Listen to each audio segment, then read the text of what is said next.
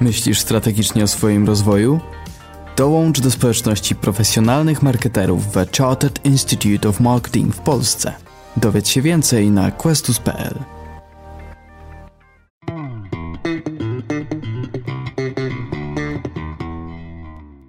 Dzień dobry wszystkim, witam w kolejnym odcinku Questus Marketing Podcast. Dzisiaj spotykamy się i mamy taki trochę zaczepny y, temat, czego nie powinniśmy oczekiwać od klienta. Ja nazywam się Agata Mardosz-Grabowska, a ze mną jest dr Julia Kołotko, e, która specjalizuje się w ekonomii behawioralnej, czy raczej w naukach behawioralnych. Tak naprawdę to, co robisz, jest e, no, takim pograniczem psychologii, ekonomii, trochę biznesu, marketingu. Zresztą w marketingu masz bardzo duże doświadczenie praktyczne. Mogłabyś nam przybliżyć to, czym dokładnie jest ten obszar, w którym się specjalizujesz? Tak, w Polsce nazywamy to ekonomią behawioralną, ale tak naprawdę w angielskim jest rozróżnienie, jest, jest behavioral economics i behavioral science, czyli jest ekonomia behawioralna i są nauki behawioralne. I ekonomia behawioralna jest częścią nauk behawioralnych, tak samo jak na przykład psychologia jest częścią nauk behawioralnych. I ja, ja, ja, ja to widzę trochę tak, yy, chociaż może jacyś akademicy by ze mną polemizowali, że jest takie pewne spektrum w ramach tej nauki. Na jednym końcu jest psychologia, a na drugim końcu jest ekonomia behawioralna. I ekonomia behawioralna, taka klasyczna, to są takie bardziej teoretyczne badania prowadzone zazwyczaj na amerykańskich studentach albo brytyjskich, e, w laboratoriach, e, takie bardziej powiedzmy badające pewne mechanizmy. Na drugim końcu mamy psychologię, nie bardziej psychologię społeczną, która bada to, jak ludzie podejmują decyzje, jak kształtować te decyzje, w taki bardzo praktyczny sposób, chociaż też tam, tam jest miejsce na eksperymenty.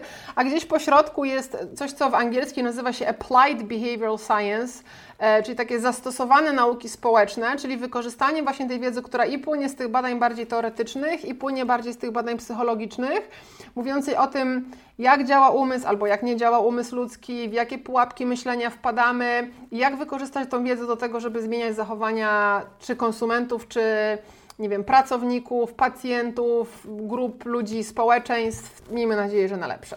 Badania naukowe, które zresztą przytaczasz na swoim blogu, wskazują, że jesteśmy świadomi jedynie 5% bodźców, które wpływają na proces podejmowania decyzji. Znaczy, ja myślę, że ten mit o racjonalności klientów dawno już upadł i wszyscy mamy świadomość, że jako konsumenci nie zachowujemy się w pełni świadomie, w pełni racjonalnie, ale 5% to jest jednak dramatycznie mało. To brzmi, jakbyśmy po prostu żyli w jakimś zamroczeniu. Czy to rzeczywiście tak wygląda, że jesteśmy w jakimś stanie ograniczonej świadomości przy podejmowaniu naszych decyzji? Tak, rzeczywiście sugerują badania nie tylko behawioralne, ale w ogóle analizy neuronaukowe. Natomiast to jest trochę tak, że i tak i nie. To znaczy, tak, rzeczywiście e, badania pokazują, że dużo, dużo, dużo więcej naszych decyzji niż nam się wydaje jest y, nieświadoma, automatyczna, e, efektem E, kontekstu, w jakim podejmujemy decyzje, czyli miejsca, w jakim jesteśmy, co się w tym miejscu dzieje, co robią ludzie, którzy nas otaczają albo z którymi mamy kontakt. I że co ważniejsze jest duży rozjazd między tym, dlaczego naprawdę podejmujemy jakieś decyzje na przykład konsumenckie, a co nam się wydaje, tak? Czyli mamy Jedno to jest, co się naprawdę dzieje, jakie są prawdziwe motywy naszych decyzji, a drugie, jak my interpretujemy, na przykład jak mi się zapytasz, nie wiem, dlaczego kupiłam tą bluzkę, to ja Ci dam jakąś odpowiedź, a jakby zrobić badania, to jest duża szansa, żeby się okazało, że tak naprawdę ja tą bluzkę kupiłam z zupełnie innego powodu, tylko mi się teraz wydaje, bo mnie zapytałaś, więc ja sobie jakąś odpowiedź wymyślam. Natomiast, czy to jest 5%? To są, to są takie estymacje, więc to jest pewnie, ponieważ mówimy o nieświadomości, więc my ludzie naszą świadomością próbujemy zrozumieć naszą nieświadomość. Więc tak, estymacje są, że to jest 5%. Niektórzy mówią, że 10, inni mówią, że 5, e, czasami się mówi, że 15, ale potem znowu ktoś mówi, że 5, więc myślę, że tak, wiesz, w 100% to my nigdy do tego nie dojdziemy, natomiast rzeczywiście jest to Myślę, że to, co jest ważne, bo na końcu z punktu widzenia praktycznego to nie ma większego znaczenia dla marketera, czy to jest 5, czy 10, czy 12, ale to, co jest ważne, to jest, że to jest zdecydowana większość jest nieświadoma, a mniejszość jest świadoma że te nieświadome procesy mają ogromny wpływ na decyzję. I jeszcze tutaj jedną rzecz dodam, trochę może strzelając sobie w kolano jako e, osoba zajmująca się nieświadomością, ale żeby też nikt mnie tutaj nie posądził o manipulację danymi albo y, wiedzą, którą, y, którą posiadam. To, to zakłada, że jakby to, ten, ten procent pokazuje, czy estymacje dotyczą procenta i jakby jakiej części bodźców czy informacji, na których nasz mózg podejmuje decyzje, jesteśmy świadomi. Natomiast warto zwrócić uwagę, że w to też wchodzą takie rzeczy jak, nie wiem, y, bicie, na, rytm naszego serca, y, jakby co się dzieje w naszym organizmie, czyli to takie różne informacje sensoryczne, które nasz mózg zbiera z naszego ciała i z otoczenia, na podstawie których podejmujemy decyzje. E, I jakby my, pewnie gdyby ktoś nas się zapytał, ok, no Julia, dobra, to teraz jak się czujesz? No to bym się zastanowiła, ok, czy nie wiem, mam jakieś napięcia w ciele, czy nie, jak mi bije serce, czy jestem zestresowana, czy nie jestem, nie wiem, czy mam jakieś pospinane barki, czy nie. Więc jakby w tych 95% kryją się te wszystkie rzeczy, więc one są też tak trochę świadome, trochę nieświadome w takim sensie, że do niektórych z nich mamy dostęp, ale do niektórych z nich nie mamy dostępu, ale już nie będziemy wchodzić na tak głębokie wody, jak e, jest taka nauka, e, nowa dziedzina, nowa mniej więcej, w miarę nowa dziedzina nauki pod tytułem Embodied Cognition, na właśnie na ile sygnały płynące z naszego ciała i w ogóle jaką rolę nasze ciało odgrywa w podejmowaniu decyzji. Też fascynujące rzeczy z tamtych badań wychodzą. Więc nie, nie musimy wchodzić na głębokie wody, natomiast myślę, że to, co dla nas jest tutaj ważne i dla osób, które nas słuchają, to to, że to jest większość naszych decyzji, a przynajmniej duża ich część, a z punktu widzenia marketerów, to każdy marketer śmiało może założyć, że jego konsumenci są dużo mniej racjonalni niż jemu racjonalnemu marketerowi by się wydawało, niż on by tego chciał. Jak to mawiał mawia wciąż mój były szef, marketer, e, konsument to najsłabsze ogniwo łańcucha marketingowego. O, więc tak, a propos nieświadomości. No właśnie, to nie jest trochę tak, że my jednak mimo wszystko gdzieś tam sobie planując działania marketingowe, zakładamy, że nawet jeżeli to nie jest w pełni racjonalny proces, to gdzieś tam ten proces podejmowania decyzji no jest jakiś taki uświadomiony przez klienta, że jak on już podejmuje tą decyzję, że kupuje, robię coś, dokonuje jakiejś aktywności, to jest to jego świadoma decyzja i my do tej decyzji próbujemy go skłonić. I czy to jest właściwe podejście? Czy my możemy tego oczekiwać od klienta, czy jednak powinniśmy trochę zmienić założenia? E, ależ oczywiście tak, że my jako marketerzy to robimy i ależ oczywiście nie, nie jest to y, prawdziwe i słuszne. To, to, to, wynika, to też jest, można powiedzieć, że to też jest w sensie taka pułapka myślenia. Wygląda to tak. Każdy z nas, y, wiele osób już czytało Kahnemana, y, zna koncepcję dwóch systemów, albo gdzieś może o tym słyszało. Jeśli, jeśli nie, to w dwóch zdaniach powiem. Każdy z nas, jakby ludzki umysł jest złożony z tak zwanych dwóch systemów. Jest system pierwszy i system drugi. System drugi to są te decyzje racjonalne, analityczne, to jest właśnie proces taki ten świadomy podejmowania decyzji, rozważania za i przeciw, szukania różnych opcji wyboru, oceny tych opcji, wybierania najlepszej, analizowanie, racjonalne myślenie, logiczne myślenie. A system pierwszy to są decyzje automatyczne, nawykowe, e, nieświadome, często emocjonalne, impulsywne. I problem polega na tym, że większość konsumentów podejmuje decyzje poprzez system jeden czyli właśnie te y, nieświadome y, procesy, na które wpływ mają pułapki myślenia, emocje, y, kontekst, otoczenie, inni ludzie i tak. Natomiast marketerzy, taki marketer od poniedziałku do piątku, co najmniej od 9 do 17, siedzi w biurze, albo teraz pewnie w domu, ale zazwyczaj siedział w biurze i rozmyśla i rozkminia na temat tej swojej szynki, jogurtu, parasola czy mm, co innego sprzedaje. Marketerzy wszyscy myśląc o swoim produkcie, usłudze, o swojej marce, analizują ją i proces decyzyjny konsumentów i zachowania konsumentów przez, za pomocą swojego systemu 2, czyli myśląc o tym, analizując, robiąc tabelki, rozkminiając, rozmyślając. A konsumenci w większości żyją w tym systemie jeden i te dwa systemy to są zupełnie dwa różne światy. I teraz jak próbujemy przekonać system jeden konsumentów, ten nieświadomy automatyczny, do tego, żeby podejmował decyzje na podstawie argumentów, które wymyślił racjonalny system dwa marketerów, no to nie, po prostu ten system jeden to, to trochę tak jakby, nie wiem, jakbyś Ty zaczęła mówić wolniej i wyraźniej do Chińczyka, żeby on Cię zrozumiał po polsku, jak, bo, bo on przecież na pewno jak powiesz wolniej i wyraźniej, to on Cię zrozumie. No nie, on jest Chińczykiem, on po polsku nie mówi.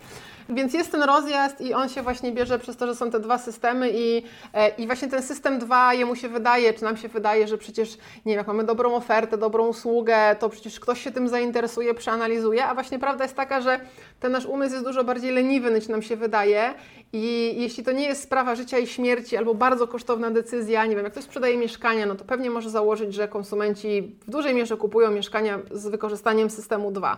Ale większość takich codziennych decyzji to jest e, system 1, gdzie ludzie są dużo mniej przejęci i zmotywowani e, i się mniej przejmują i nie angażują tego systemu 2 i, i stąd jest ten, ten rozjazd, o którym mówisz. A mogłabyś podać jakieś przykłady takich najbardziej typowych błędów poznawczych, których dokonują konsumenci w życiu czy podczas zakupów? Są takie, nazwę to małe pułapki myślenia, chociaż one nie są małe, ale takie znane w marketingu, bardziej pewnie kojarzone nawet z psychologią niż z ekonomią behawioralną i, i słusznie. E, chociaż jak mówiłam, ja to wszystko wrzucam do wora nauk behawioralnych. Jest coś takiego jak społeczny dowód słuszności, czyli że, ma, jak, że mamy tendencję do robienia tego, co robi większość osób, albo to, co nam się wydaje, że robi większość osób.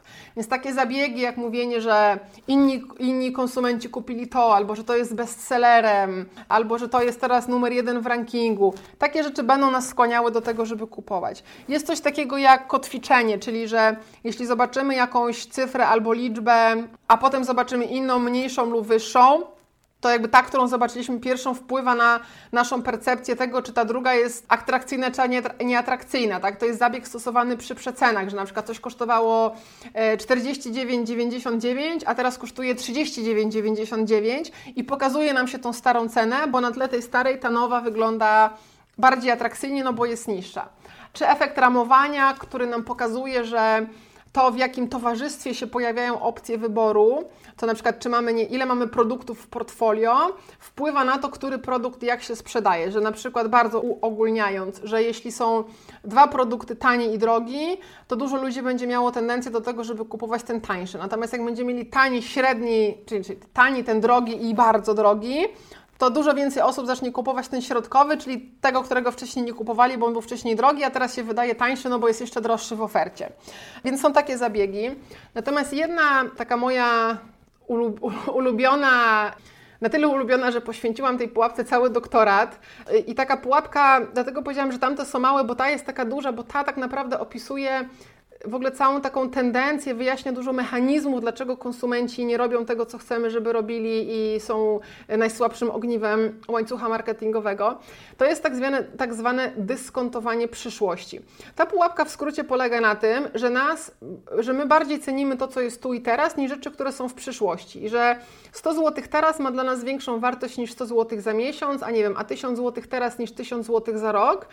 I że jeśli ktoś by poprosił takiego typowego konsumenta czy uczestnika badań, e, w których te, mm, te insighty zostały odkryte, o to, żeby poczekał ten, ten rok na przykład na te 1000 zł, to ludzie sobie każą płacić za to czekanie, tak? I że jeśli na przykład nawet zaoferujesz 1100 zł, to wciąż ludzie będą woleli 1000 zł teraz i że musisz im naprawdę dużo więcej zapłacić za to, żeby oni chcieli poczekać. Czyli jakby ta, przez to, że to jest w przyszłości, ta postrzegana wartość tak spada, że oczekujemy, że nam się da dużo więcej. I nie da się tego wyjaśnić, bo tutaj ktoś sceptyczny powie, no tak, ale jakbyś dała mi teraz 1000 zł, to ja bym to zainwestował albo zainwestowała i bym za rok miała 1200 zł. Nawet jak się weźmie pod uwagę to, ile ludzie mogą i jak, jak inwestują i ile realnie później zyskują, to i tak my oczekujemy, że nam się jeszcze więcej zapłaci, więc jakby żadne racjonalne argumenty tutaj nie wyjaśniają tego, czy nie obalają tego argumentu, że przyszłość, że e, benefity w przyszłości mają postrzeganą, postrzegamy jako mniej wartościowe. I to jest ogromnie jakby to jest w ogóle fundamentalny problem, którego większość marketerów niestety nie widzi, a jak zaczyna widzieć, to nagle rozumieją, ach, to dlatego ci nasi konsumenci są tacy ciężcy i nie chcą z nami współpracować. Bo zobacz, większość produktów, które sprzedajemy, weźmy na przykład, nie wiem, witamina D, którą powinniśmy wszyscy suplementować. Większość decyzji czy, czy rzeczy, które, jakby zachowań, których oczekujemy od konsumentów, wiążą się z pewnymi kosztami, które musimy ponieść tu i teraz, a korzyści są odroczone w przyszłości. Na przykład musimy teraz iść do apteki, kupić tą witaminę D, pamiętać o tym, żeby ją brać codziennie. Pamiętanie o czymś codziennie to jest ogromny y, koszt dla naszego umysłu. Y, połykać ją codziennie, co nie wszyscy lubią i tak dalej, i tak dalej. Więc mamy całą listę kosztów. One obiektywnie może nie są duże, ale one stanowią istotne bariery, a korzyści z tego zachowania, jakby zbrania z tej witaminy są odroczone w przyszłości, tak? To później zimą będę miała więcej energii, nie będę chora, one też przez to, że są odroczone w przyszłości, są abstrakcyjne, czyli y, to są takie koncepty typu, że będziemy mniej chorzy, będziemy mieli więcej energii, versus teraz muszę zapłacić 19,99, pójść do apteki, y, stać w kolejce, ryzykować, że ktoś na mnie nachucha, bo nie założył maseczki i tak dalej, i tak. Więc mamy bardzo konkretne koszty, które są odczuwalne versus abstrakcyjne, odroczone w przyszłości y, korzyści. No więc nie dziwne, jeszcze, a te, ponieważ one są odroczone w przyszłości, te korzyści, my je postrzegamy jako dużo mniej wartościowe. No więc jeśli tak spojrzymy na, e, na problem konsumentów i do wszystkiego, tak, kupić jogurt, muszę iść do sklepu, wybrać smak, podejmowanie decyzji, to jest ciężkie, e, stać w kolejce, coś tam, żeby zjeść ten jogurt. I większość decyzji, jak tak przeanalizujemy, to nagle się okazuje, że ten taki bilans tej takiej kompletnie często nieświadomie przez konsumentów przeprowadzanej analizy kosztów i korzyści jest po prostu kompletnie niekorzystny. Po prostu my oczekujemy, że konsumenci poniosą dużo, nawet małych, ale dla nich obiektywnie istotnych kosztów tu i teraz, a dostaną coś w zamian w przyszłości. To przyszłość to może być jutro, może być za rok, to nie ma znaczenia. I tak jest to w przyszłości. Więc to dyskontowanie przyszłości jest taką dla mnie najważniejszą taką fundamentalną, nie wiem czy to nazwać pułapką myślenia, czy tendencją naszego umysłu, czy pewną cechą naszego umysłu, z którą trzeba się, której trzeba stawić czoła i trzeba się z nią rozprawić, no bo inaczej możemy teraz tu edukować konsumentów, ich, e, nie wiem, mówić im, jaki mamy fajny produkt i tak dalej, ale jak ta analiza kosztów i korzyści nie będzie się spinać, to ludzie będą się, będą mieli e, zbyt niską motywację albo będą prokrastynować, czyli od, odwlekać rzeczy, odkładać na później i nie robić tego, co chcemy, żeby robili. Ekonomia behawioralna bada te nieświadome procesy wpływające na podejmowanie decyzji, ale też pozwala projektować produkty, usługi, komunikacje, procesy w taki sposób, aby właśnie ludzie tak automatycznie, nieświadomie odpowiednio zmieniali swoje zachowania. I, I to jest w zasadzie taka główna wartość z ekonomii behawioralnej, że my jesteśmy w stanie jakby wykreować takie warunki, których ludzie właśnie nie uruchamiając swojego e, systemu 2, czyli tego e, racjonalnego myślenia, mogą podejmować pewne decyzje zgodnie z naszymi intencjami.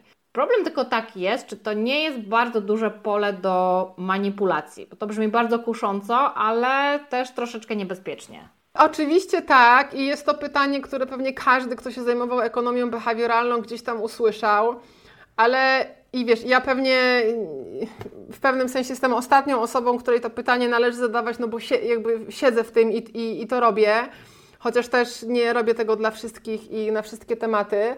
Natomiast jakby dla mnie szczerze, dla mnie to się absolutnie ni niczym nie różni od jakichkolwiek innych działań marketingowych, bo to samo możesz powiedzieć o komunikacji marketingowej, o nie wiem, projektowaniu stron internetowych czy działaniach w mediach społecznościowych no, tak na koniec wszystkie narzędzia marketingowe to są narzędzia wpływu i teraz czy wykorzystamy do tego ekonomię behawioralną czy nie, to i tak to, co łączy ekonomię behawioralną i marketing, to jest jeden wspólny cel zmienić zachowania ludzi.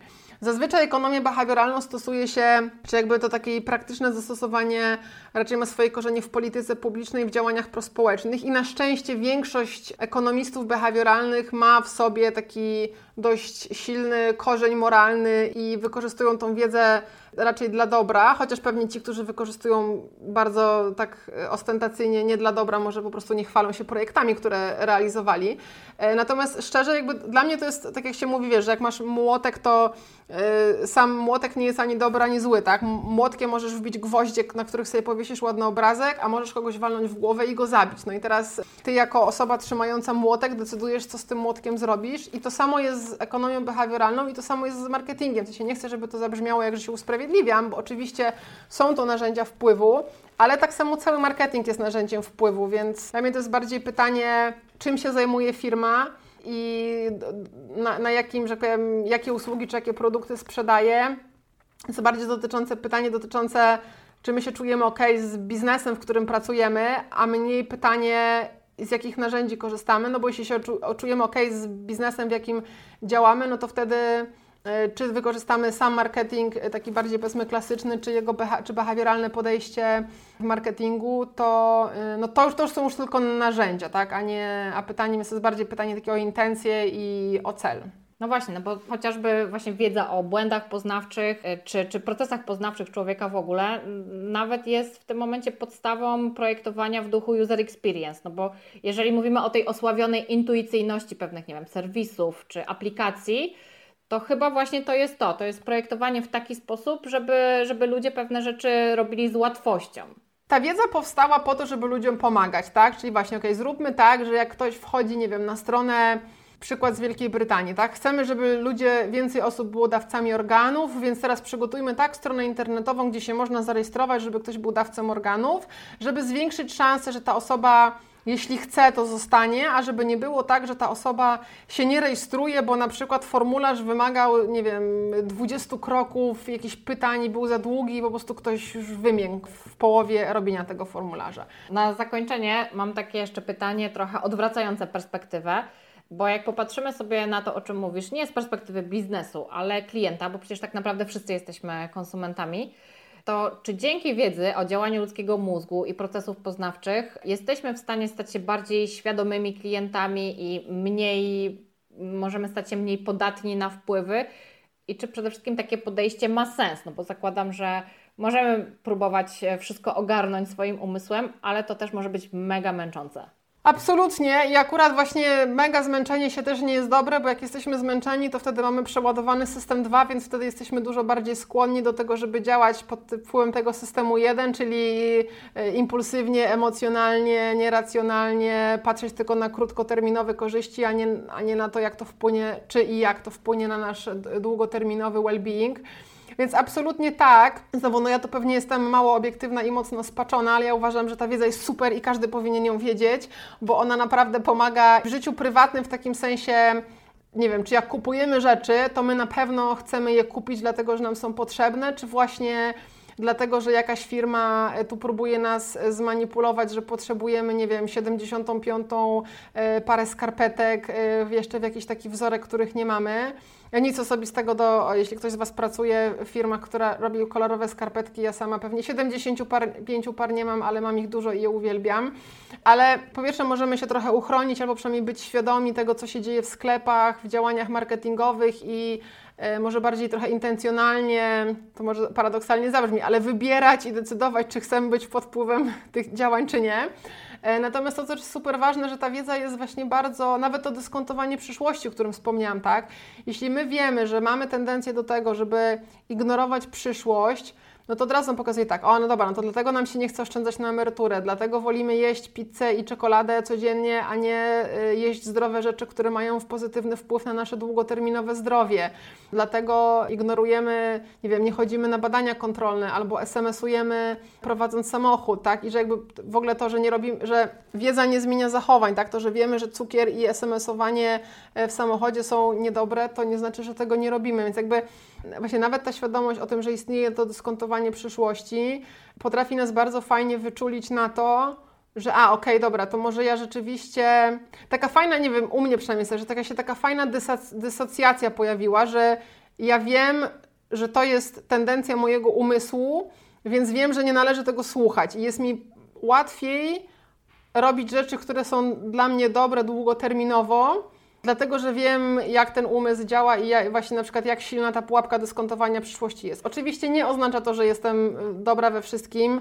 Wciąż, nie wiem, oszczędzanie na emeryturę mi średnio idzie na przykład, ale nie wiem, pomaga na przykład w temacie zdrowia, ale absolutnie zrozumienie, że to nie jest, też jest fajne, że to odciąża nas, że, to, że jakby, że ludzie, moje, takie jest moje doświadczenie, że ludzie przestają um, widzieć w sobie winę, o Jezu, znowu mi, nie wiem, mi zabrakło silnej woli, mi zabrakło motywacji, jestem leniwa, jestem głupia, jestem coś tam, tylko jest takie, a dobra, no po prostu tak nasz działa umysł, nie da się wykazywać silną wolą i samokontrolą cały czas. Jak będę to robić przez parę dni, to, na, to po prostu siódmego albo piętnastego dnia na 100% mi jej zabraknie i wtedy można po prostu bardziej realnie podejść do, do realizacji swoich celów, e, ale w taki zdrowy też emocjonalnie i psychicznie i mentalnie sposób.